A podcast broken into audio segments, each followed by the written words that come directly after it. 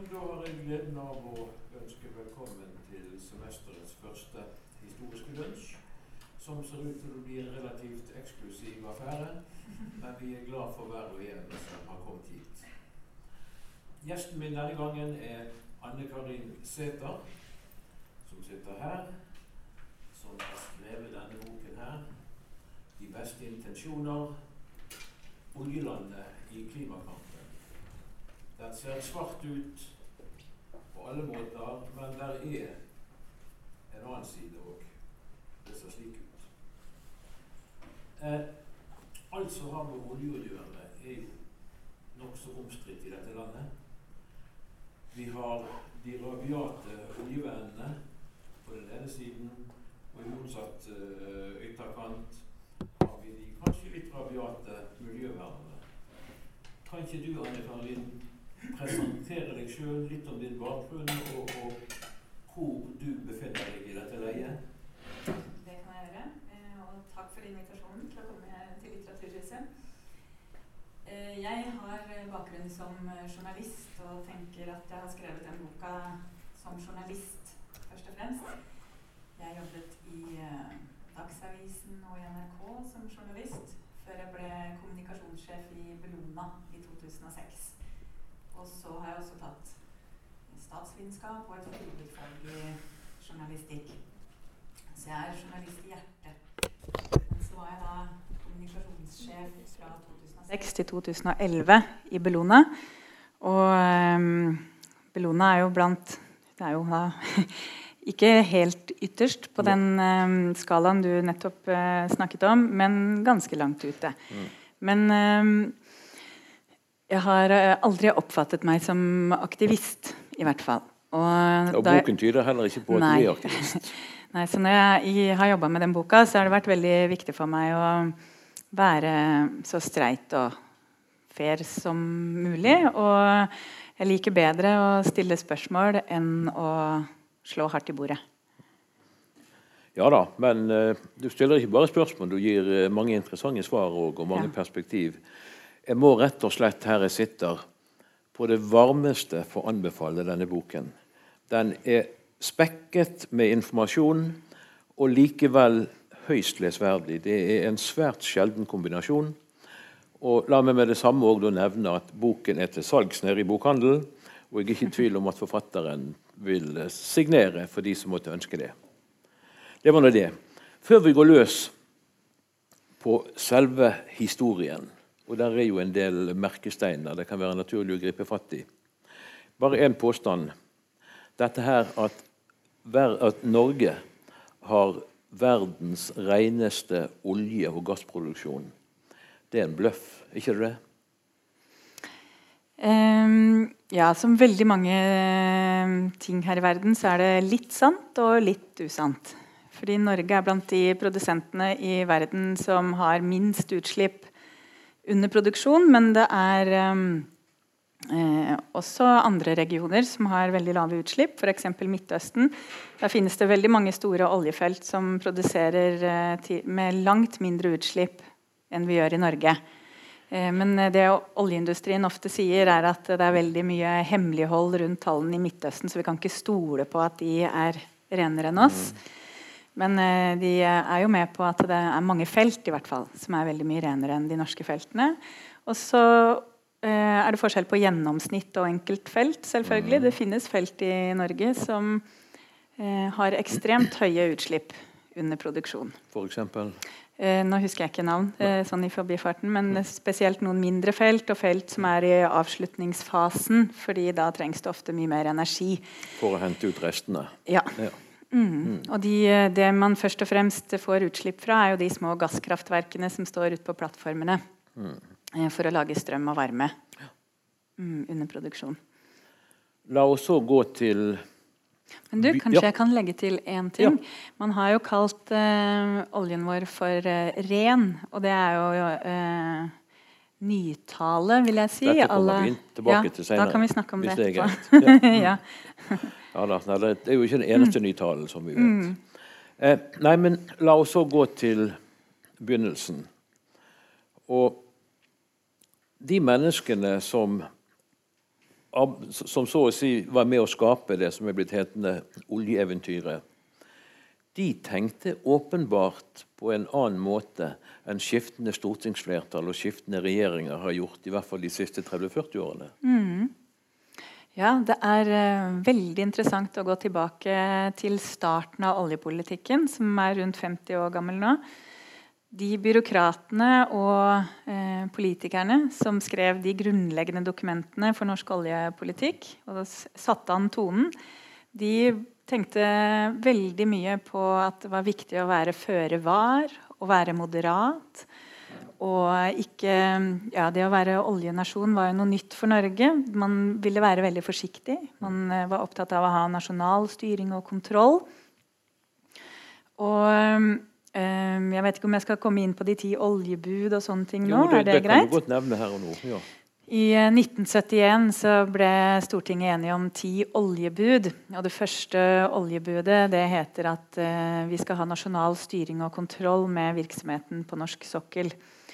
Og Det var uh, ulike bud som bygde opp under det at vi skal ha kontroll, og at det skal være, komme Norge til gode og samfunnet til gode, denne virksomheten. Og så var det ett bud som er spesielt interessant, syns jeg. Og det var bud nummer fire. Det sa at petroleumsvirksomheten skal ta hensyn til eksisterende næringsvirksomhet og natur- og miljø miljøhensyn. Så man tenkte allerede da at det var veldig viktig at de interessene ikke skulle kollidere. Kanskje en litt naiv tanke, for det er jo umulig at de ikke kolliderer. på et eller annet vis, Men man ønsket i hvert fall å ta hensyn og, og være forsiktig. Og Det samme gjelder den eh, stortingsmeldingen som er så viktig. Den første oljemeldingen fra 1974. Den sier, eh, skriver, der står det side opp og side ned om hvor viktig det er å ta vare på naturen, og at det er en balanse som ikke må rokkes med, og at man må være moderat da, når vi skal kaste oss inn i denne oljevirksomheten. Og dette var ganske forutseende og, og klokt. Det, dette skjer jo altså omtrent ved de tider vi får eh, vårt første miljøverndepartement her i landet. Ja. ja. for det kom jo i 1972. Ja. Så det var en veldig det var en sånn vind som blåste gjennom Norge mm. av miljøengasjement på den tiden. Man hadde også eh, Framtiden i våre hender, som ble etablert da. Og eh, Mardøla-aksjonen. Mm. Det var mye som skjedde på starten av 70-tallet som gjorde at det var naturlig for byråkrater og politikere å ha med disse hensynene når man skulle eh, snekre sammen oljepolitikken. Kan dette til og med tenkes å ha sammenheng med den sterke politiseringen på 1970-tallet? Ikke bare av litteraturen, men av uh, mangt annet òg her i landet? Ja, det, det kan det være. og EU-kampen, eh, e eller EF-kampen mm, som den het da, tror jeg ja. også kan ha spilt inn. Fordi det gjorde nok at man var ekstra opptatt av å eh, verne om det norske og eh, styre sjøl. Ingen tvil om det. Mm. Mm. Ja. Skal vi da hoppe til 1987? Ja. Det er jo 50 år siden oljepolitikken eh, starta. 50 år siden første oljefunnet. Og så er det 30 år siden klimapolitikken starta. Så det er to mm. jubileer i år. I 1987 eh, ga Brundtland-kommisjonen, ledet av vår eh, Gro Harlem Brundtland, fram Our Common Future-rapporten. Vår felles framtid. Og det var en eh, Det vil jeg si er starten på norsk klimapolitikk. Selv om det hadde skjedd ting tidligere, så var det på en måte da det begynte å rulle. Mm. Og den eh, rapporten den er jo en milepæl i internasjonal klimahistorie. Den kom et par-tre år før Rio-toppmøtet, der grunnmuren i internasjonal klimapolitikk ble lagt. Og begrepet bærekraftig utvikling det ble etablert med, med Brundtland-kommisjonen og den rapporten. Og det som eh, jeg oppdaget da jeg gikk tilbake og leste litt i uh, Vår felles framtid-rapporten, Eh, eller det jeg fant da jeg gjorde det, var at de skrev faktisk ganske mye om eh, olje og klima. De skrev at eh, fossil energi vil ikke bare være en trussel for, eh, for miljøet vårt og, og, samfunnet vårt, men økonomien vår også. Det kan være skadelig for økonomien vår. Det står allerede i Brundtland-rapporten. Så de var klar over problemet? Så absolutt. Mm. Og de sa også at de anbefalte at uh, bruk av fossil energi uh, bur, Eller de, det burde halveres uh, i løpet av de neste 30-40 årene. Mm. Og slik gikk det jo ikke. Mm. Men det var veldig interessant at de anbefalte det allerede da. Er, det riktig å si at den rapporten fikk større betydning for mange, mange, andre land enn det landet Gro var statsminister i? Ja, man blir jo ikke helt i eget land eh, eh, som regel. Hun var veldig Eller hun inspirerte veldig mange andre. Mm. Hun ble jo en eh, internasjonal stjerne og ble kalt ja. verdens miljøvernminister. Mm. Um, og, men så, da hun kom hjem og skulle sette det hele ut i praksis, så må vi vel dessverre si at Gro svikta. Ja. Og så kom jo 1989, mm. som kunne blitt et svært viktig år i norsk oljepolitikk. Men ble det ikke. Ja, 1989 det er et uh, veldig uvanlig uh, år i norsk valghistorie. Fordi det var det store klima- og miljøvalget. Det eneste kanskje til, uh, til, nå? Jeg tror aldri det har vært så mye oppmerksomhet rundt det i en valgkamp tidligere. Og partiene krangla om hvem som var mest klimavennlig. Mm. Og jeg tror det var Senterpartiet som gikk av med seieren. De ville halvere norske utslipp innen år 2000. Så, og det var jo helt urealistisk. Men alle hadde veldig uh, ambisiøse mål. Og Eh, rett etter eh, valget så ble man jo da også enige om et eh, klimamål. Det kom i 1989, da. Og det var nesten verdens første klimamål. Det var ikke helt verdens første, for Sverige var rett før oss. Nederland kom omtrent samtidig med oss.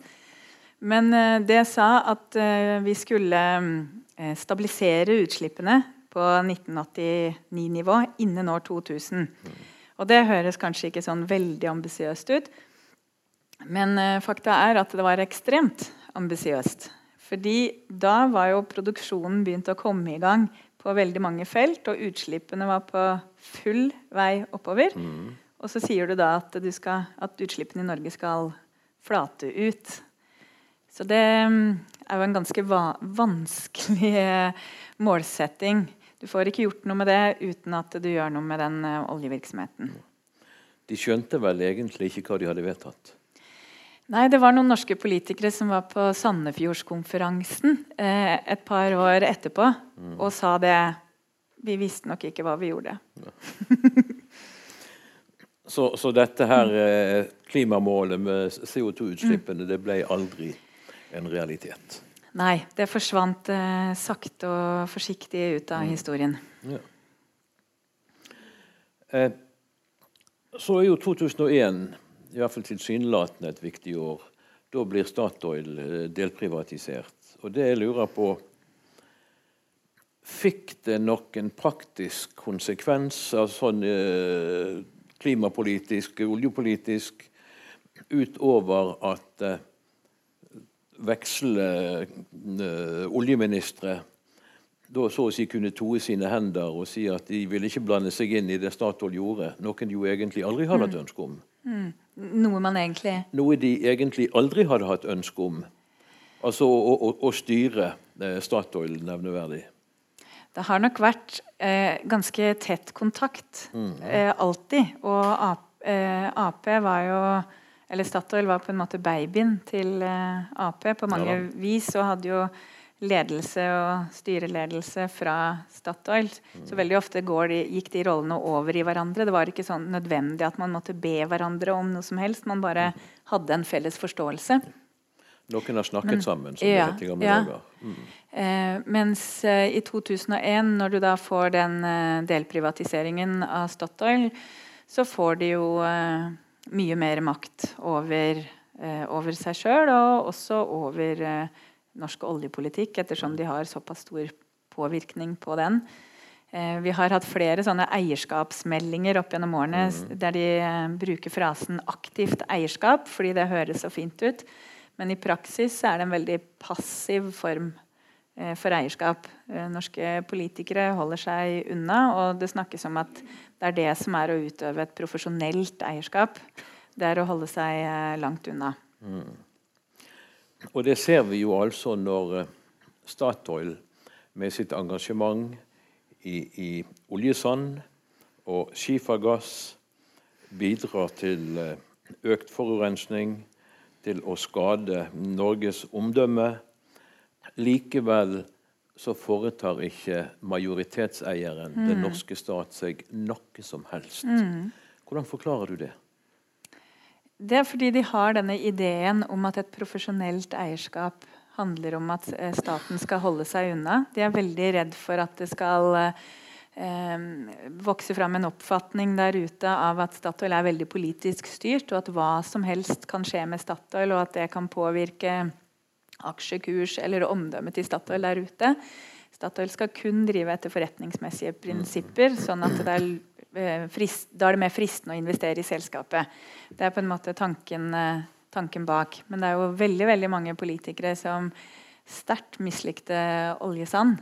Mm. Eh, men de, og de sa, de sa, det nok nå og da, kanskje på bakrommet, men eh, det ble aldri slått i bordet da. Nei, og nå er det jo først og fremst pengene som teller, ser vi, i de mm. fleste sammenhenger. og Statoil har jo tapt milliarder på mange mm. av sine utenlandsengasjementer. Sjøl det får ikke folk til å heve stemmen. Nei, det er jo helt utrolig. Tenk på hvor mange titalls milliarder mm. Helge Lund har kosta ja. ikke bare Statoil, men Norge. Mm. Um, ja, det er fascinerende at det ikke har vært mer uh, bråk rundt det. Og fallskjerm får de med seg uansett. Ja, ja. Mm. Vi skulle vært i den bransjen. Det er sant. eh, kan vi konkludere med at norsk eh, oljepolitikk de siste 20-25 eh, årene egentlig har vært Norsk klimapolitikk har vært skreddersydd for oljepolitikken? Altså en form for politisk målsøm? Ja. Jeg vil påstå at klimapolitikken er skreddersydd oljen. Og det handler om kvotehandel.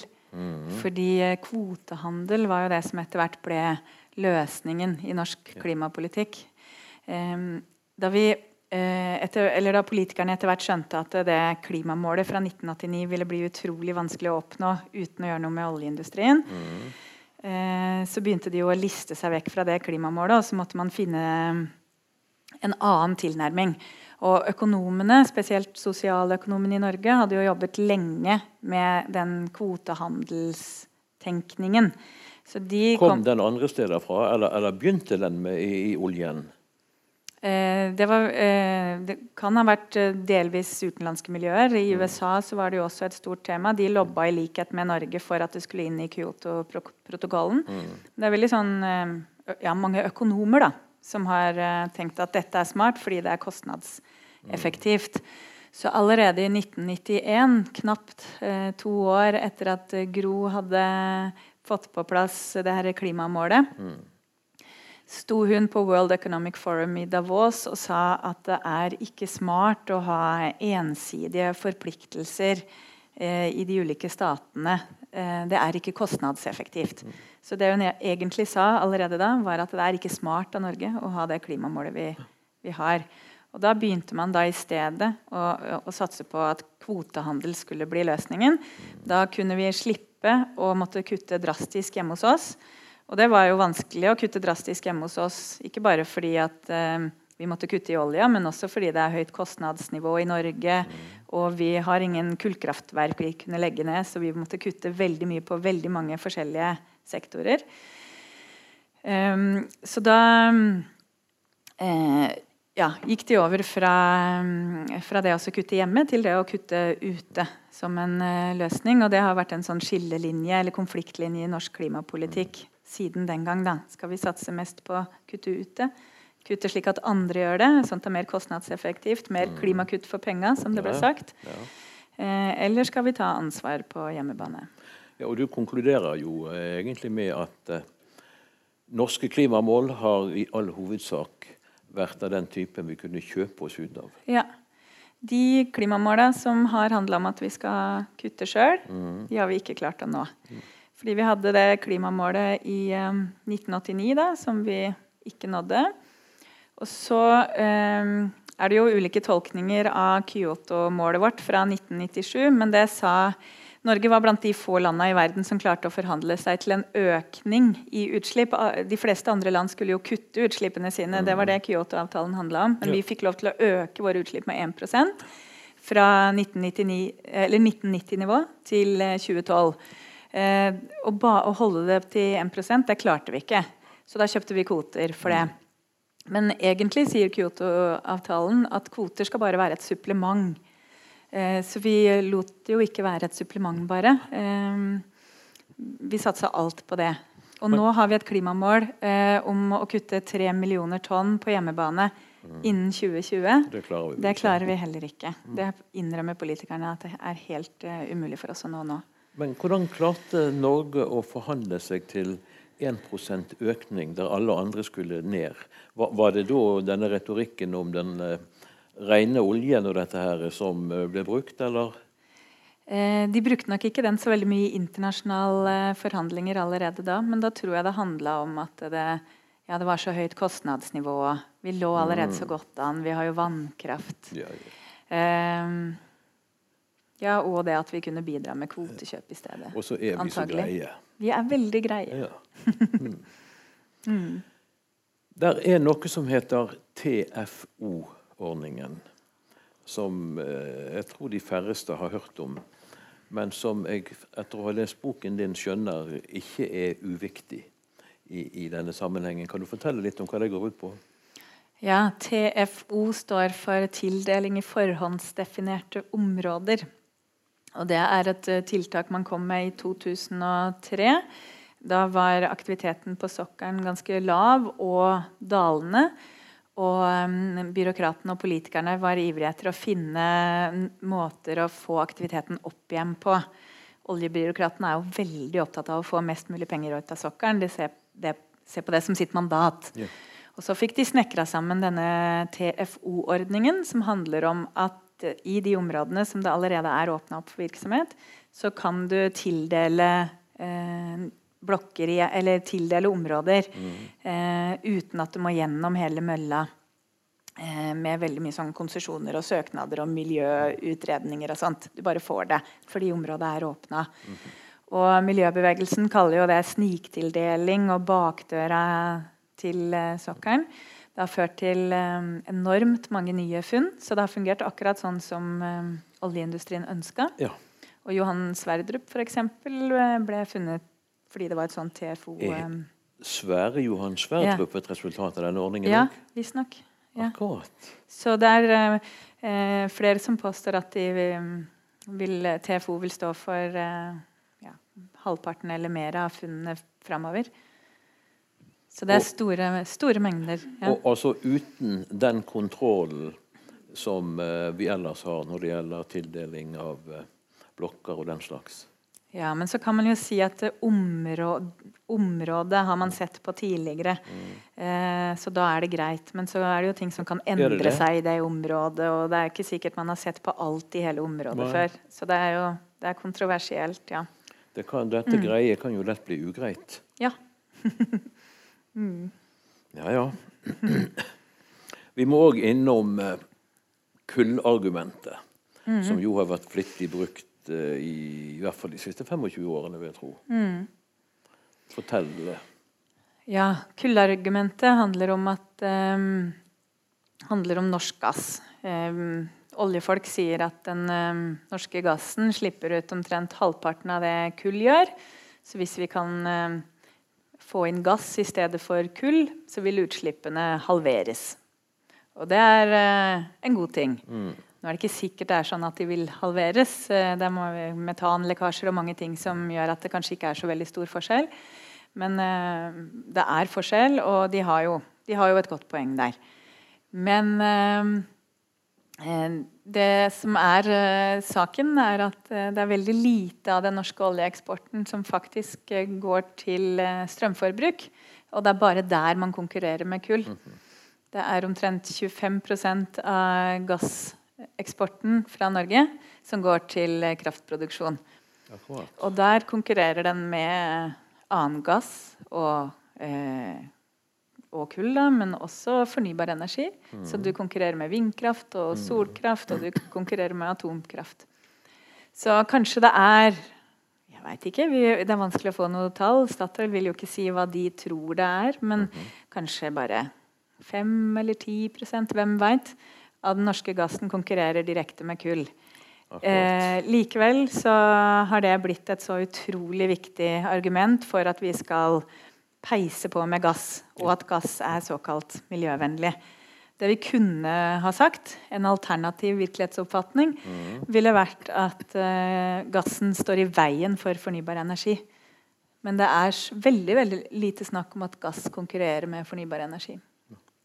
Hvilket den selvfølgelig gjør. Det gjør den. Og Statoil og norske myndigheter har jo kjørt lobbekampanjer i Brussel og også i Storbritannia da, når de eh, vurderte å eh, øke fornybarandelen sin. De lobba jo mot at, stat, at EU skulle ha et eget mål for hvor mye fornybar energi de skulle ha. Den kampen eh, tapte de, men eh, de prøvde. Ja, viljen var til stede.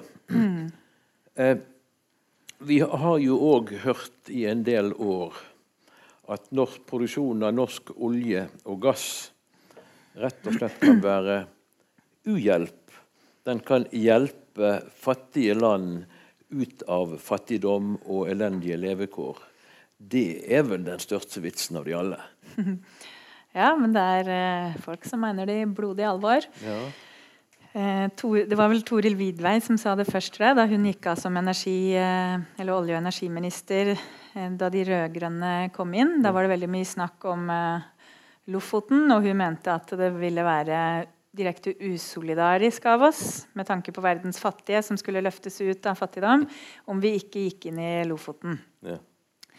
Um, så ja, Det var et intervju i Aftenposten der de spurte henne ja, ser du på, uh, ser du på norsk oljeutvinning som uhjelp.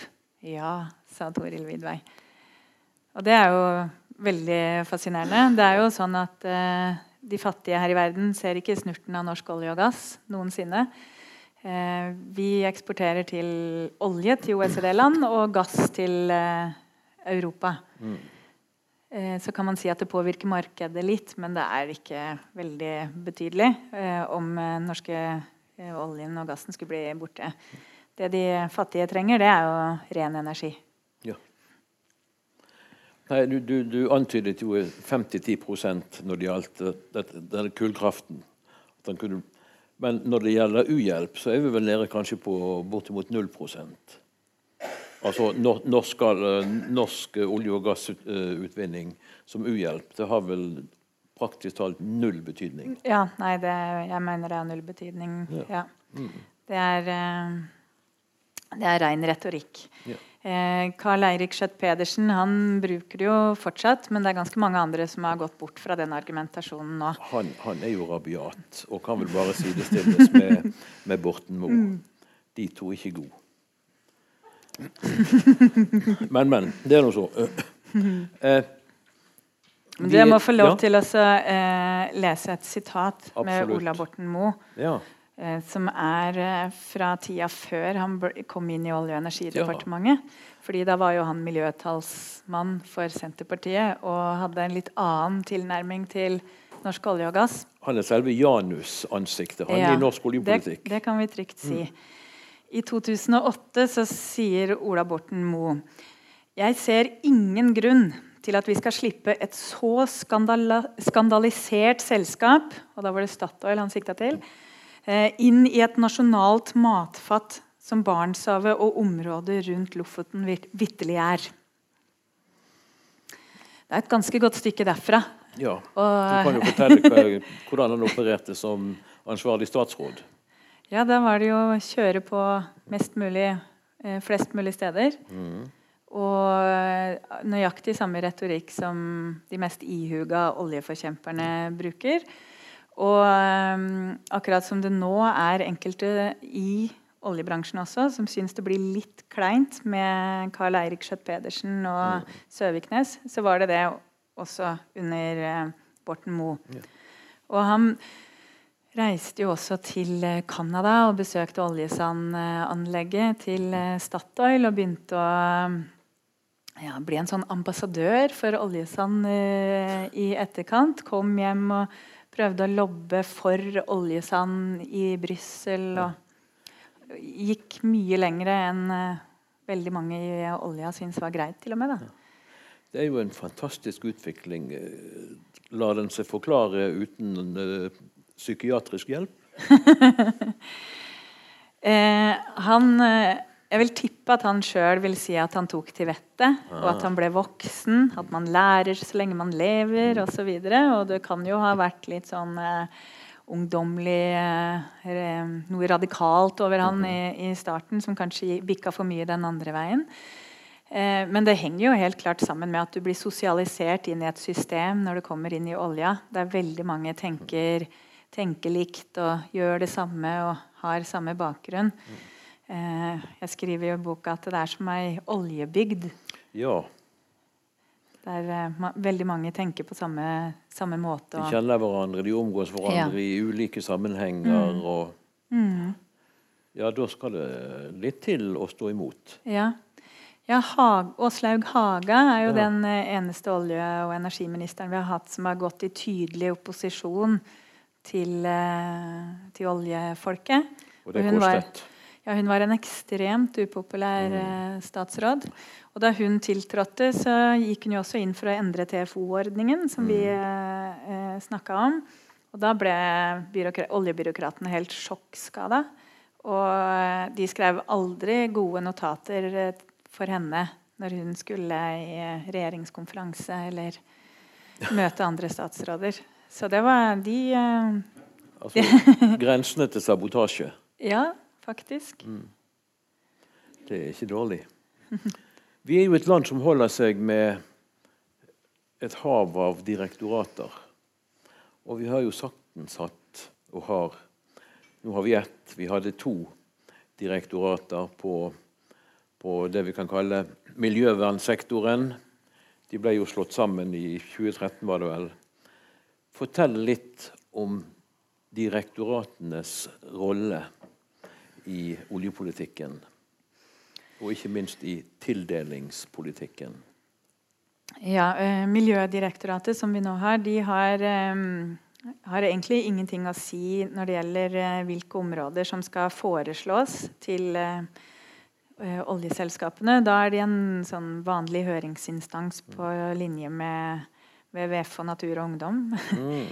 Men så når det først er bestemt at man skal ha At man ønsker å foreslå et område, eh, da, de, da, gjør de eh, en vurdering av eh, hvilke miljøhensyn som bør bli tatt. Mm -hmm.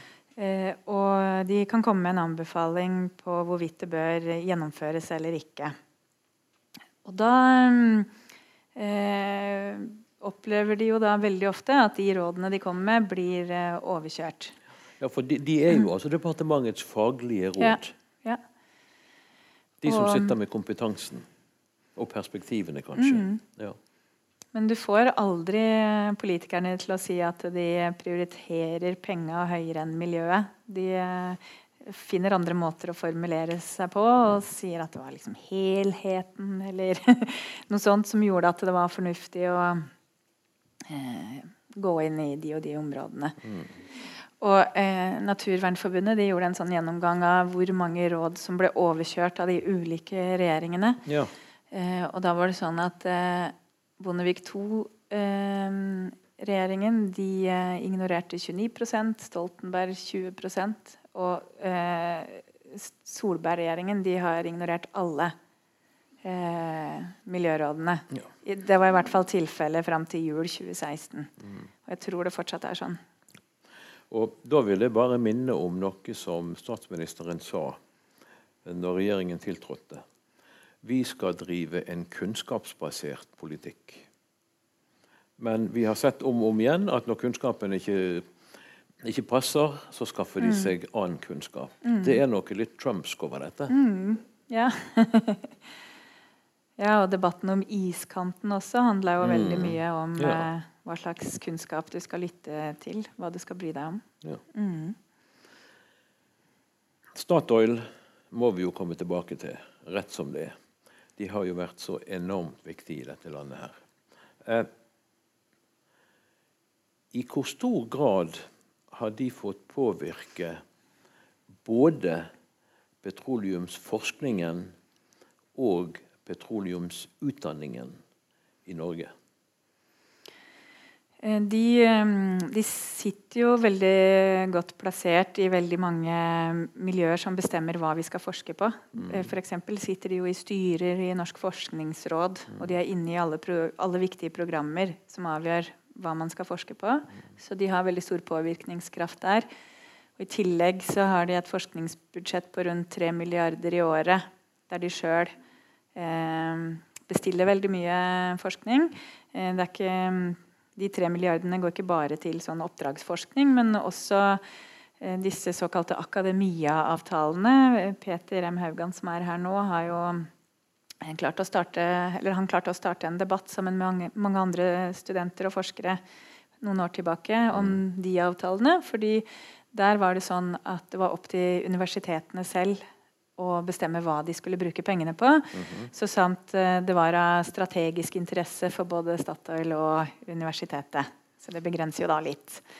Um, og da um, blir det jo selvfølgelig veldig mye uh, forskning som er til fordel for Statoil. Mm. Mm.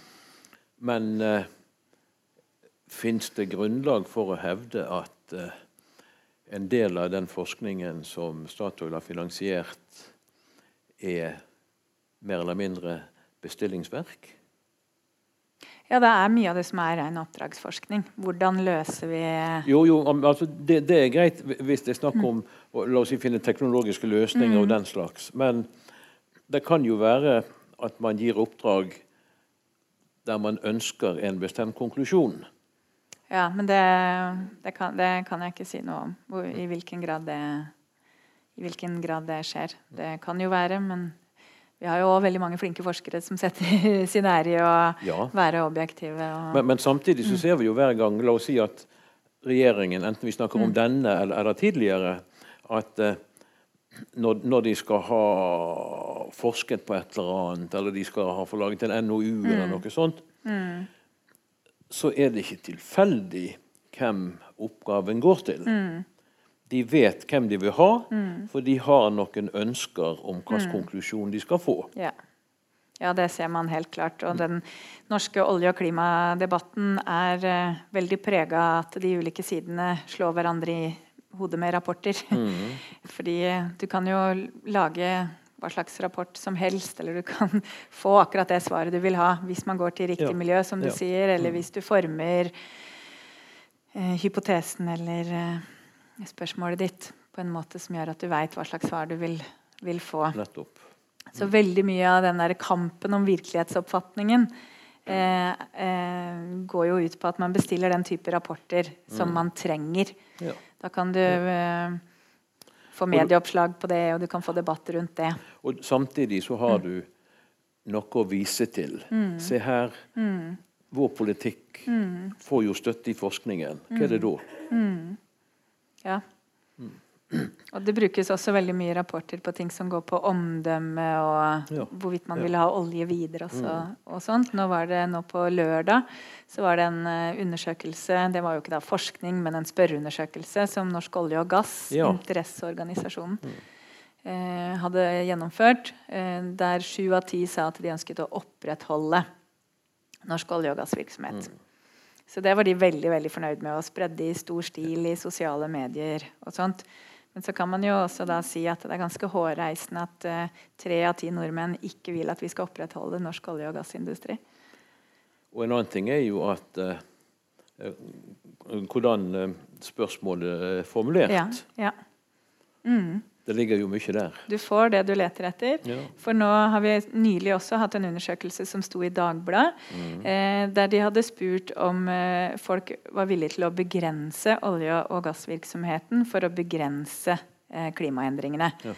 Og da svarte 44% ja til det. Mm. Mens 15 eh, var vet ikke, og 42 var eh, de ville ikke la noe ligge. Mm. Så begge de tingene kan jo sies å være sant samtidig. Det spørs hva du legger vekt på. Nemlig. Nemlig. Og, og, her er vi jo inne på språket, retorikken, nytalen. Mm. Vi har jo altså uttrykk som bærekraftig olje, miljøvennlig utvinning, for ikke minst å snakke om kjernebegrepet energirealiteter. Ja. Eh, eh, dette har jo altså vært en del av nytalen. Og i hvor stor grad tror du at slike, slike ord og uttrykk og, og tilsvarende har formet ikke bare politikerne, men altså hele nasjonens oppfatning av det som foregår eh, i Nordsjøen og andre steder der norske interesser er involvert? Jeg tror det har vært helt ekstremt viktig. Det poenget med at uh, vår olje er renere enn andres, mm. eller mindre skitten, burde mm. man egentlig si. Uh, det hører du igjen overalt, i alle politiske miljøer, i alle middager, og alle onkler. alle bruker det ja. argumentet. Og norske myndigheter bruker det i utlandet, og du hører det igjen overalt. Så de har klart å uh, bestemme over virkelighetsoppfatningen til nordmenn. Så her har noen gjort mm. en grådig god jobb. Mm. Veldig bra. um, og det uh, er jo ikke sånn at um, ting kommer av seg sjøl. Det er jo som regel en plan bak alle mm. disse begrepene. Og for Uh, eh, dette argumentet med at uh, verden trenger energi, og de fattige skal løftes ut av uh, fattigdom. Det var noe som kom på midten av 2000-tallet, eller sånn nærmere bestemt 2007. Mm. Jeg har gått tilbake i avisarkivet og sett at fra 2007 til 2008 så er det plutselig en tidobling i bruken av begrepet 'verden trenger mer energi'. Og det var jo ikke sånn at det plutselig var veldig mange som trengte energi da. De mm. hadde jo trengt energi tidligere òg. Men eh, grunnen til at det kom da, var at eh, Statoil hadde begynt å jobbe med en sånn argumentasjonspakke. En ny eh, kommunikasjonsplattform for å argumentere bedre for sitt ståsted og skape større forståelse for sine valg.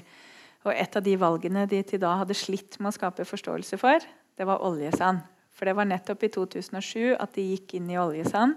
Og da møtte de langt større motstand enn de hadde regna med. Mm. Og i 2007 var det også masse bråk rundt Lofoten, og man begynte å miste støtte. Så da begynte man å koble verdens energibehov til klimadebatten på en måte som man ikke hadde gjort før. Hvis Statoil og eh, oljefolk andre steder eh, skulle bare gå inn i klimaspørsmål, så ville de jo tape debatten. Derfor så mhm. begynte de å alltid dra inn verdens energibehov. Vi kan ikke snakke om bare dette. Det blir for enkelt, sa de hele tida. Vi må mm. se på det at verden faktisk trenger energi. Det er en pakke som må løses her. Verden trenger energi, det blir flere mennesker på jorda. Samtidig skal vi kutte utslippene. Hva gjør vi da? Jo, da må vi i hvert fall ha fossil energi som er klimavennlig, sånn som den norske. Det var mhm. hele tiden eh, løsningen. Men eh, de klarte vel ikke å skape den forståelsen de ønsket for uh, engasjementet sitt i oljesanden? Nei. Det hadde de vel aldri fått til? Nei, det klarte de ikke. Og han uh, John Knight, som er strategidirektør for Statoil og holder til uh, i London, han sa vel her at de ikke burde gått inn. og det var veldig sterk motstand internt da det ble kjent at de skulle gå inn i uh, oljesand. Mm. Jeg har jo intervjua Inge Valage, som er en nederlandsk uh, kommunikasjonstopp. Som var kommunikasjonssjef for det internasjonale arbeidet i Statoil og ansvarlig for å jobbe med kommunikasjonsstrategien rundt oljesand. Og hun forteller om et møte der det ble informert om det her internt. Mm. Der folk steila. Eller veldig mange var kritiske. Hvorfor skal vi gjøre det her? Det her er ikke typisk oss. og dette blir for drøyt. Hvordan skal vi klare å forklare dette her? Men da hadde hun tro på det. da, Jo, vi, kommer, vi er Statoil, vi kommer til å gjøre det bedre enn andre. Og det var hele tida eh, forklaringen som ble brukt. da. Det er bedre at vi er der, enn at andre er der. Fordi vi produserer jo alltid litt renere enn alle andre. Mm. Men eh, eh, Statoil var jo en rookie i, eh, i oljesand. De var jo nykommer. Så de provoserte andre selskaper som var i Canada. Mm. Hvorfor i all verden skal den der eh, lille jiplingen komme her og si at de skal gjøre ting bedre enn oss? Vi har jo vært her i 50 år. Hva i all verden er det de skal gjøre som ikke vi allerede gjør?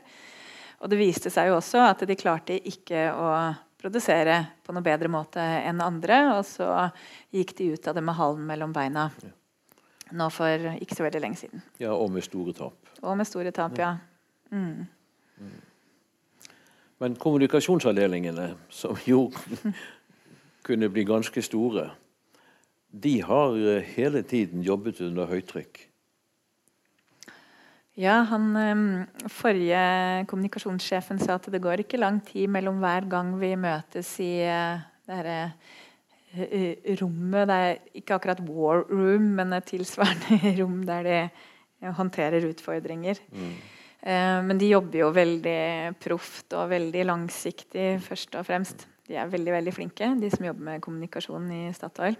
Ja, de må være blant de beste. Ja, de har veldig mange veldig, veldig flinke folk. De mm. betaler jo også godt og har sikkert et spennende miljø for folk som er opptatt av å jobbe med kommunikasjon.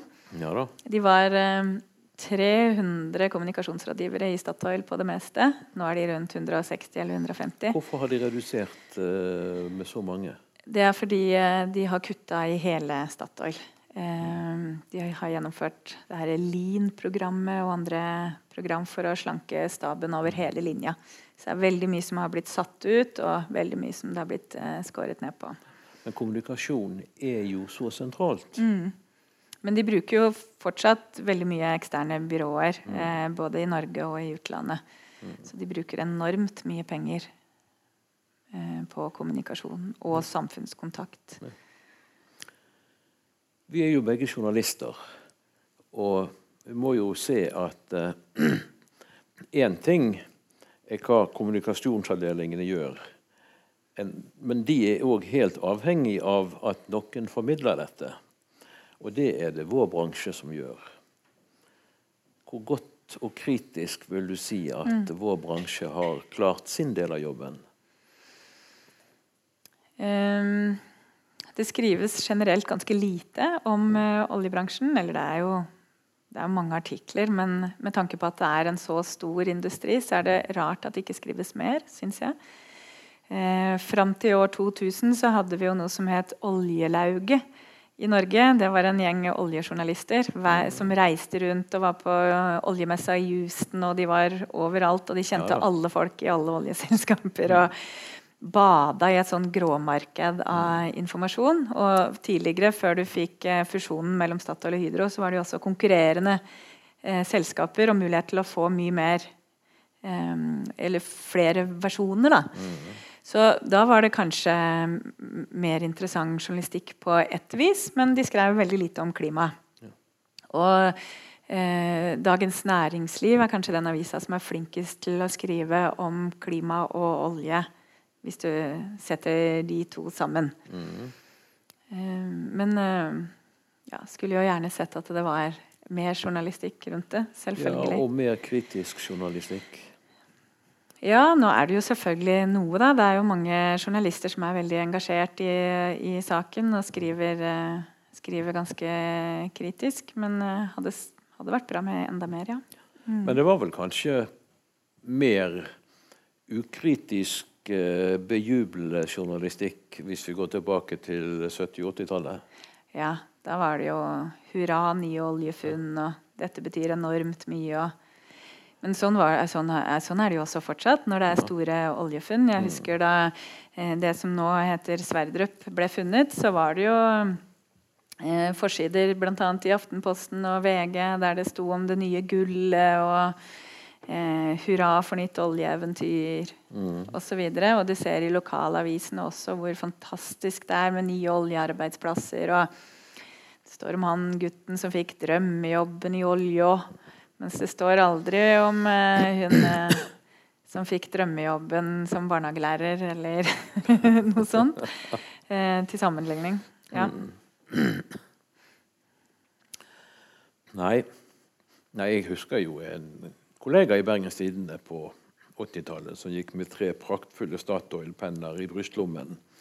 Og var virkelig en av gutta på mm. OPEC-møter og hvor det var. Mm. Jorden rundt. Og det er jo også veldig veldig mange av de oljejournalistene som har gått over til å jobbe til stat hos Statoil. Mm -hmm. ja. når de har kommet på et visst nivå, visst kunnskapsnivå, Mhm. så mm, har de ofte blitt uh, henta inn. Jeg Ja. tror det er uh, Tror du det har vært en bevisst rekrutteringsstrategi fra Statoils side? det, det kan være. Det kan, uh, kan også være at de bare De er jo flinke og kan området. Ja. Men eh, det, er jo ikke, det er jo ikke bra for journalistikken at alle de som kan noe om olje, har blitt bare sugd opp Mm. og ansatt til å jobbe på den andre sida. ja, for det er ikke mye oljeekspertise igjen i norsk press i dag. Nei, det er veldig, veldig lite. Mm. Det er helt sant. Det er eh, Dagens Næringsliv har jo no, noen, og um, Teknisk Ukeblad. mm. Men uh, ellers så er det litt tynt, ja. Ja. Mm. Og det er jo heller ikke mange aviser lenger som holder seg med egen eh, oljemedarbeider. Nei. Nei.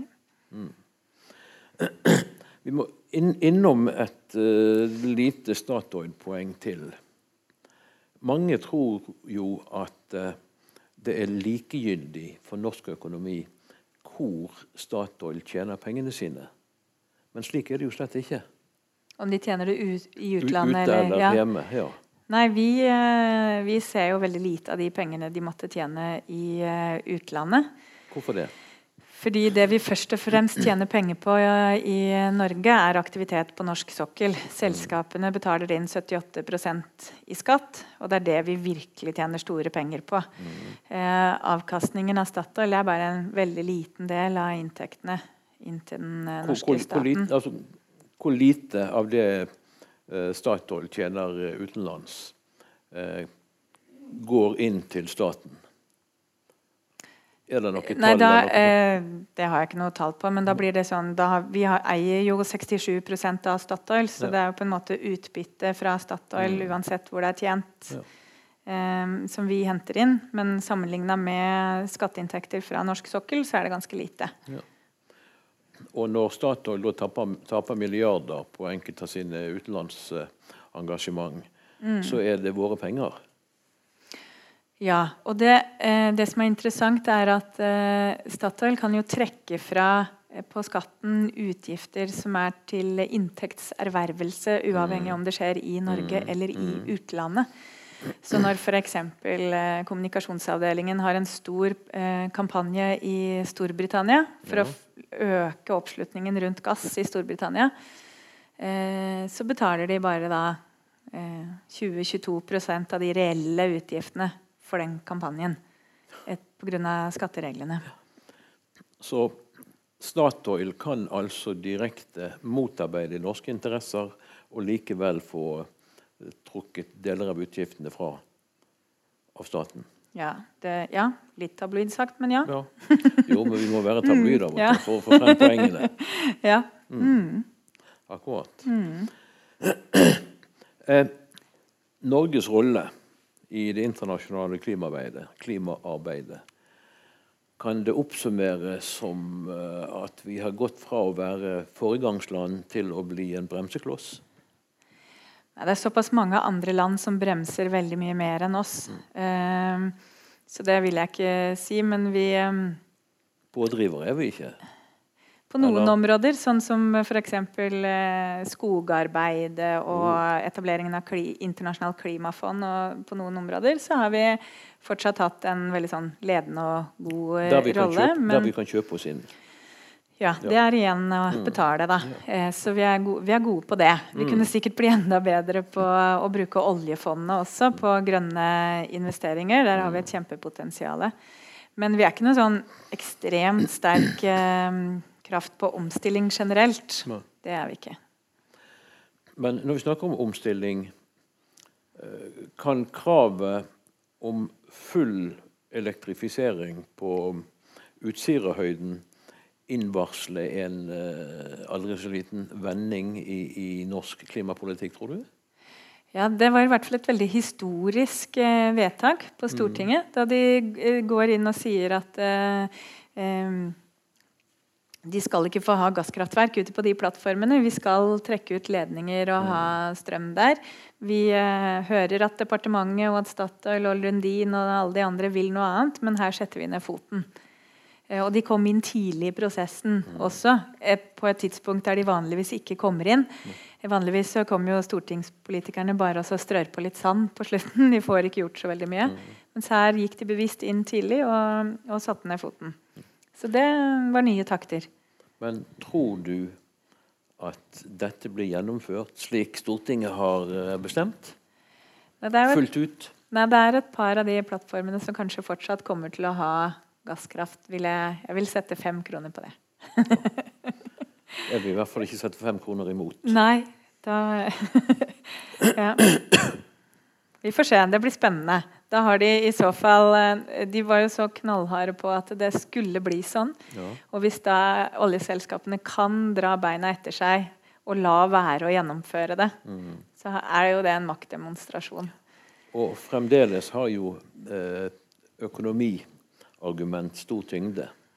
Og, og kan de dokumentere, og da vel å merke ikke med disse fantasitallene eh, de opererer med, at dette vil bli vesentlig mer kostbart, så kan det jo hende at, eh, at operatørene klarer seg denne gangen òg. Ja, for jo, jo lenger man venter nå, og jo vanskeligere du gjør det, så Ja. vil det bli mer kostbart. Og det vil helt sikkert være argumentet de bruker etter hvert. At dette ble for vondt og vanskelig og dyrt, så det er eh, helt håpløst å skulle gjennomføre det. Og de kan komme til å legge de tallene på bordet, og så virker det veldig fornuftig det de sier. Men hvis man hadde elektrifisert alt fra starten av, så ville det antagelig vært lønnsomt. Og det sier jo også folk som har jobba med det her internt i Statoil. Ja ja, vi får se. Men hvilke interesser, eh, bortsett fra sine egne, har eh, Statoil tjent når de har motarbeidet eh, satsing i, på nye, rene energiformer? Eh, nå skjønte jeg ikke helt hva du mente. Altså, Statoil er jo svært motstrebende når, det gjelder uh, ren energi og satsing på vind og, og, og sol og slike ting. Og spørsmålet er hvorfor er de så motstrebende? Hvilke interesser er det de eh, mener de tjener ved å opptre slik de gjør? Det er jo fryktelig mye mer penger i olja, da. Det er, det er ganske enkelt, I, det et, som I er et kortere perspektiv, ja, ja. ja. Her og nå så er det, er det fryktelig mye mer lettjente penger i uh, olja. Mm. Men med Eldar Sætre så har vi sett en veldig fin og positiv utvikling. Fordi han etablerte da eh, fornybar energi eh, som et eget forretningsområde. Det hadde det ikke vært Mm. Tidligere. Og en merkbart større satsing enn tidligere. Mm. Hun, Irene Rummelhoff er jo nå fornybarsjef i Ja. Statoil og veldig engasjert og har masse engasjerte medarbeidere. Og jeg vil påstå at det er eh, flere i eh, Statoil som er på hugget når det gjelder omstilling, enn det er i Olje- og energidepartementet. Der er de fortsatt litt tilbakelent, veldig mange i hvert fall. Og bare vant med å grabbe til seg eh, penga og sørge for best mulig rammevilkår, vilkår, sånn at vi får tynt ut mest mulig penger. De har ikke samme ansvar for å tenke på aksjekurs eller framtidige inntekter som det Statoil har. Så der eh, skjer det veldig mye spennende nå. Jeg må få lov til å si det. Ja. Jo, men det er jo oppmuntrende å høre. Virkelig. Men når vi snakker om fornybar eh, energi, et rent hypotetisk spørsmål Hvor kunne Norge befunnet seg i dag hvis vi tidlig, hadde, nær sagt med liv og lyst, hadde gått inn for å satse på fornybar eh, energi? Og på den andre siden ved å være så bakstreversk som vi har vært lenge, kan vi risikere å havne helt eh, bakpå? Det er jo en klar fare for at det er noen tapte muligheter der. Mm. vi kunne sikkert vært veldig mye tidligere ute på offshore eh, vind. Visst. Nå er Statoil og Statkraft inne i prosjekter i helt andre land, mm. som Storbritannia og nå utafor kysten i USA, for å, for å jobbe med offshore vind. Det har liksom ikke blitt noe stort i Norge. Vi har den enelige, enslige som står utenfor Karmøy. Ja. Så der eh, vil jeg jo mene at vi kunne vært tidligere ute og, og gjort mye, mye mer. Vi har jo en eh, lang kyst med mye vind, så det er jo et stort potensial. Men hvorfor var det da mer interessant for Statoil å satse f.eks. i England enn i Norge? Pga. støtteordningene. Akkurat. Rett og slett at de var bedre at de var bedre der, og at det var mer økonomi i det. Og så henger jo også dette her sammen med, muligheter til å få solgt eh, kraften, og hvor det skal være ledninger fra oss til kontinentet osv. Ja. Mm. Og vi, vi skremmes jo regelmessig med at eh, hele velferdsstaten nærmest kollapser hvis vi skulle slutte med, med olje- og gassutvinning. SSB har jo gjort noen beregninger. Hva forteller de? Um, de har vel sagt at det lønner seg, eller det vil bære billigere klimatiltak inntil en viss grad i hvert fall, å redusere olje- og gassvirksomheten vår enn å ta kuttene andre steder. Hvis det var det du tenkte Ja. på? Ja.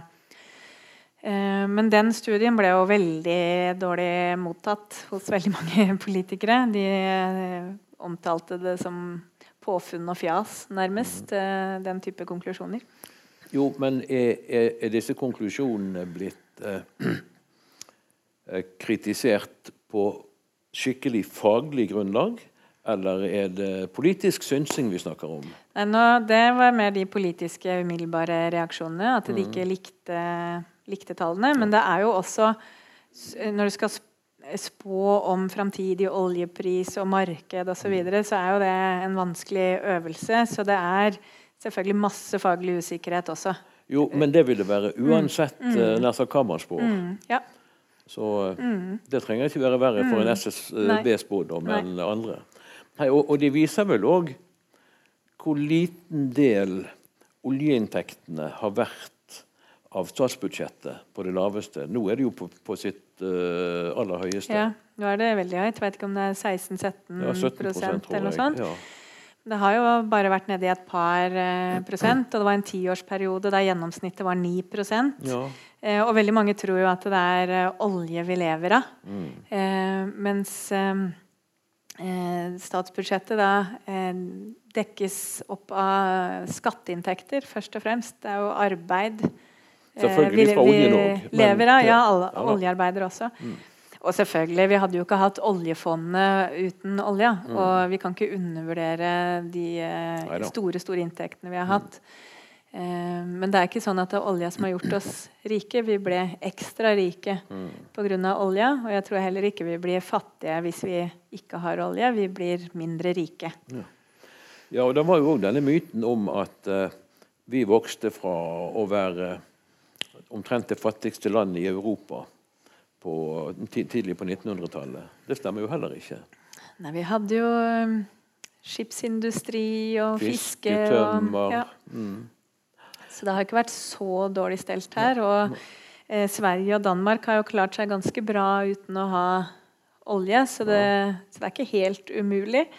Og hvis man tenker på hvordan det gikk med mm, Finland da Sovjet falt, Ja. og man samtidig hadde en eh, boligboble i, i Finland, så kom de seg på fote igjen eh, innen seks-sju år eller noe Men sånt. der var, det, så- der var det noen år en viss sosial krise. det er helt klart. Mm. Det var jo et eh, Når eh, marked ditt om ikke eneste, så ditt betydelig største marked, når det plutselig er borte, Mm. så er det selvfølgelig snakk om en eh, vond kollaps. Ja. Men det er jo oppløftende likevel at de kom seg på fote så, såpass raskt. Nettopp. Eh, men det var jo noe som skjedde veldig brått. Mm. Vi veit at olja skal, skal gå nedover, så vi kan Vi bidra kan til en, omstille oss ja, i fred og ro. i et litt roligere tempo. Ja, ja. Forhåpentlig. Hvis det ikke plutselig skjer veldig dramatiske endringer. Det, det er jo sånn at Veksten i solenergi for eksempel, den vil jo ikke vokse sakte og sikkert oppover sånn. Det vil komme et knekkpunkt på et eller annet tidspunkt der det bare Går rett til værs. Ja. Selv om dette heter historisk lunsj, så må jeg jo nesten spørre deg Kan du se for deg et scenario hvordan norsk olje- og klimapolitikk ser ut ti år frem i tid? Ehm, Ti år er både lang tid og ikke så veldig lang tid. Um, tidligere så har olje- og klimapolitikk blitt ført på to forskjellige planeter i Norge. Mens nå er de kobla mer sammen, og det vil de nok bare bli enda sterkere nå framover. Jeg tror det kommer til å bli en, en tøffere og tøffere debatt. Vanskeligere og vanskeligere og forsvare at vi skal lete mer. Og jeg tror eh, Miljøpartiet De Grønne kommer til å gjøre det veldig bra i valget. Det var én måling her der de kom inn med elleve mandater. Da blir jo Stortinget veldig annerledes plutselig.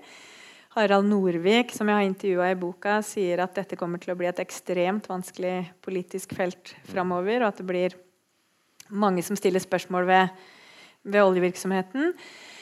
Og eh, markedet er jo i ferd med å forsvinne. Nå leste jeg nettopp at det står 300 000 eh, bruktbiler eh, og støver i Tyskland fordi de er dieselbiler. Der snakker de om eh, dieselfrykt. Ja. Veldig interessant nytt ord der.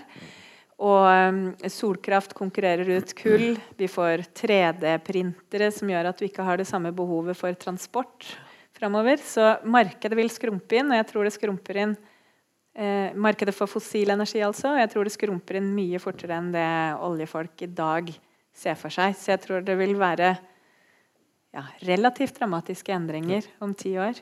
Og så tror jeg også at om ti år så er debatten om uh, olje i Lofoten og Vesterålen og Senja ferdig for lengst. Nettopp. Ja.